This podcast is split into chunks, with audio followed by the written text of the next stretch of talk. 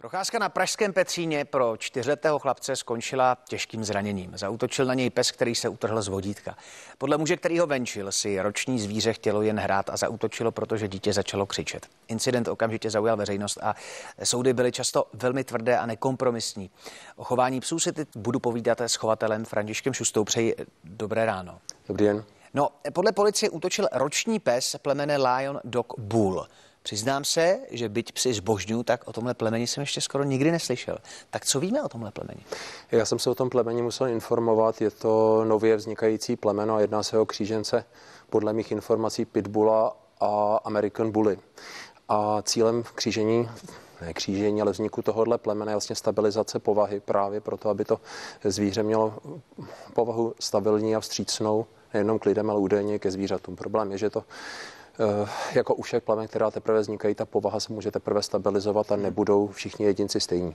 A několikrát se v médiích objevuje termín bojový pes. Existuje vůbec něco takového, uznává to kinologie, nebo je to jenom takový zjednodušený označení? Mně to připadá jako takové populistické označení, eh, se kterým já osobně moc nesouhlasím, právě protože to vyvolává různě strach u veřejnosti a nepřiměřené reakce.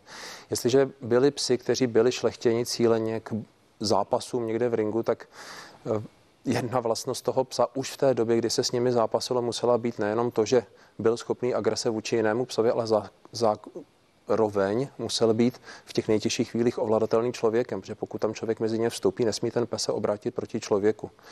To, že ty takzvaně bůl plemena vyvolávají mezi lidmi strach s ohledem na to, že má velikou sílu a že by mohl zaútočit na člověka, důležitou povahovou vlastností šlechtění těle těch psů je právě to, aby se proti člověku neotočil. Samozřejmě všechno má svoje výjimky, ale to má absolutně každé plemeno a v podstatě jakýkoliv, život, jakýkoliv živočišný druh. A úplně jednoduchou otázku, ale, ale říkám si, že právě v souvislosti s těmito incidenty, které jsou strašný ty incidenty, jednoznačně, ale kde je ta příčina toho? Je to skutečně pes s přízviskem bull a tahle plemena, která let kdy neprávem jsou označována za bojová. A nebo za vším musíme hledat toho člověka a, a, a ten výcvik? Já si myslím, že těch eh, věcí, která si sejdou a potom vyústí v takovouhle tragédii, může být obrovská hromada. Eh, tam eh, určitě u tohohle případu podle mého názoru a podle toho, co jsem si zjišťoval na různých sociálních sítích, tak hraje roli to, že toho psa venčil cizí člověk. Mm-hmm. V tomhle věku, při téhle síle eh, toho zvířete, ten cizí člověk, který s tím psem nemá nacvičené povely, nemá tam nemá společnou historii, tak pravděpodobně prostě nemůže v té krizové situaci takhle rychle, tak efektivně zasáhnout jako vlastní majitel. Další vlastnost, další věc může být zkušenost toho psa, jestli z, e, od někud na mě vypadlo, že ten pes už byl u několikátého majitele, že vlastně nebyl jakoby u prvního, to znamená, ten pes může mít určitý nějaký posttraumatický syndrom, třeba i spojený s dětmi. A zase z toho cizí člověk nedostane, to musí vlastní člověk a ten vlastní člověk musí u toho psa mít určitou autoritu a musí pro toho psa něco znamenat. E, Jestli tam jde o to, že se jedná o bůl plemeno, já bych to bral až jako jednu z těch posledních věcí, protože tohle je všechno velice individuální. A i v rámci a obecně bych o psech nemluvil jako tolik jako o plemenech, ale v první řadě jako o zvířatech, o psech a potom bych se teprve dostal nějakým způsobem jako k plemeni.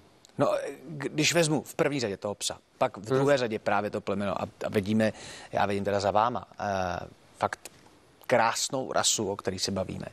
Uh, když člověk se rozhodne, protože tahle rasa bude hmm. společníkem hmm. ten pes, kolik času si na to má vyčlenit? Jak náročný to skutečně je? Kolik, kolik hodin má věnovat tomu právě, aby se předešlo těmhle kritickým situacím? A je to povinnost to dělat. To je to podstatné. Hmm. Jde o to, že v současné době je to morální povinnost a, je, a posledně se na vás obrátí zákon v okamžiku, kdy dojde k nějakému takovémuhle průšvihu. Uh, já, si, já si myslím, že Člověk by si v každém případě měl vždycky zjistit e, záležitosti o plemeni a některá plemena by si neměl pořizovat jako první. Žijeme v době, kdy existuje určitá móda pořizování si často jakoby exteriérově zajímavých velkých silných psů a vůbec ne, neuvažujeme o tom, k čemu ty psy byly určení.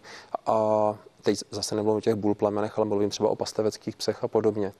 A člověk si myslí, že jakoby zvládne nějakým způsobem všechno. Myslím si, že existují plemena, která jsou pro začátečníky a v okamžiku, kdy jako začátečník tohle zvládnete, můžete uvažovat o něčem dalším, ale nevrhat se, automati- nevrhat se automaticky do plemen, do plemen všech.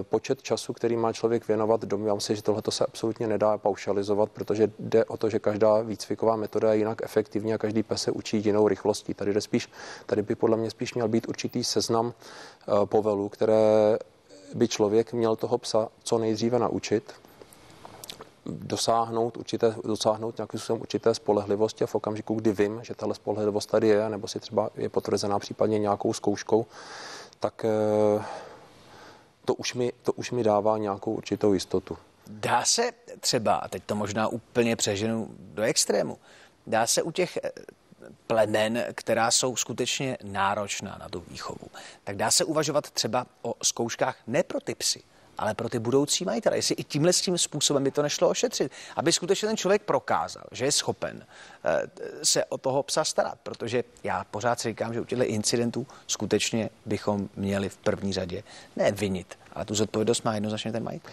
Tohle je otázka na právníky, já můžu říct svůj názor. No. Můj názor je, že to, co se opomíjí, je například vliv alkoholu aktuálně v tu danou chvíli u, u majitele. Vy můžete mít složenou nějakou teoretickou zkoušku, ale pak, když s tím psem jdete pod vlivem nějakých omamných látek, tak ta, tak ta teoretická zkouška vám nebude nic platná, protože na toho psa bude, s tím psem budete fungovat jiným způsobem. Tedy například si myslím, že tohle je věc, která by se neměla nějakým způsobem opomíjet protože ten pes vám zareaguje jiným způsobem. Eh, co se týká zkoušek, tam je otázka, jestli by to mělo být nějakým způsobem vynucovací, nebo jestli by to mělo být motivující.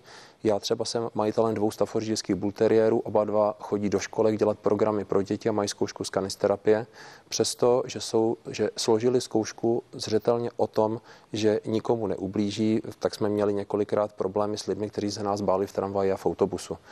Kdybych měl motivaci o tom, že, na, že můžu složit zkoušku, která mě opravňuje venku nosit známku bezpečný pes, tak eh, si tuhle tu zkoušku milé rád udělám a bude mít, a bude mít i výsledek vlastně pro, vše, pro, celé, pro celé okolí.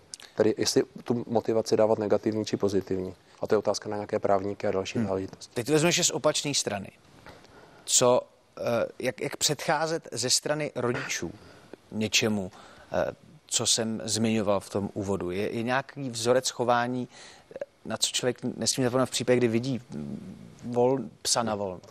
Ze strany rodičů, tam je podle mě důle, ze strany rodičů rodič může ovlivnit to dítě. Rodič příliš neovlivní toho psa. Tak to myslím. A, uh, tady Já to myslím právě. No, a tady teďka padlo pes na volno, je potřeba si uvědomit, že v té zprávě z toho Petřína ten pes se utrhnul z vodítka.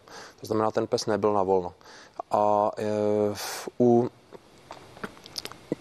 a ono paradoxně málo kdo si uvědomuje, že vodítko může u některých psů tu agresivitu naopak zvýšit. Hmm. Protože pokud ta agresivita je strachová a ten pes je na krátkém vodítku a ví, že z toho nikam neuteče a na toho psa se něco řítí, co on považuje za nebezpečí, tak místo toho, aby ustoupil, může jít do agrese právě proto, že má omezený manevrovací prostor. To vodítko samo o sobě ho neuklidní. To vodítko ho pouze udrží a v některých případech bohužel neudrží.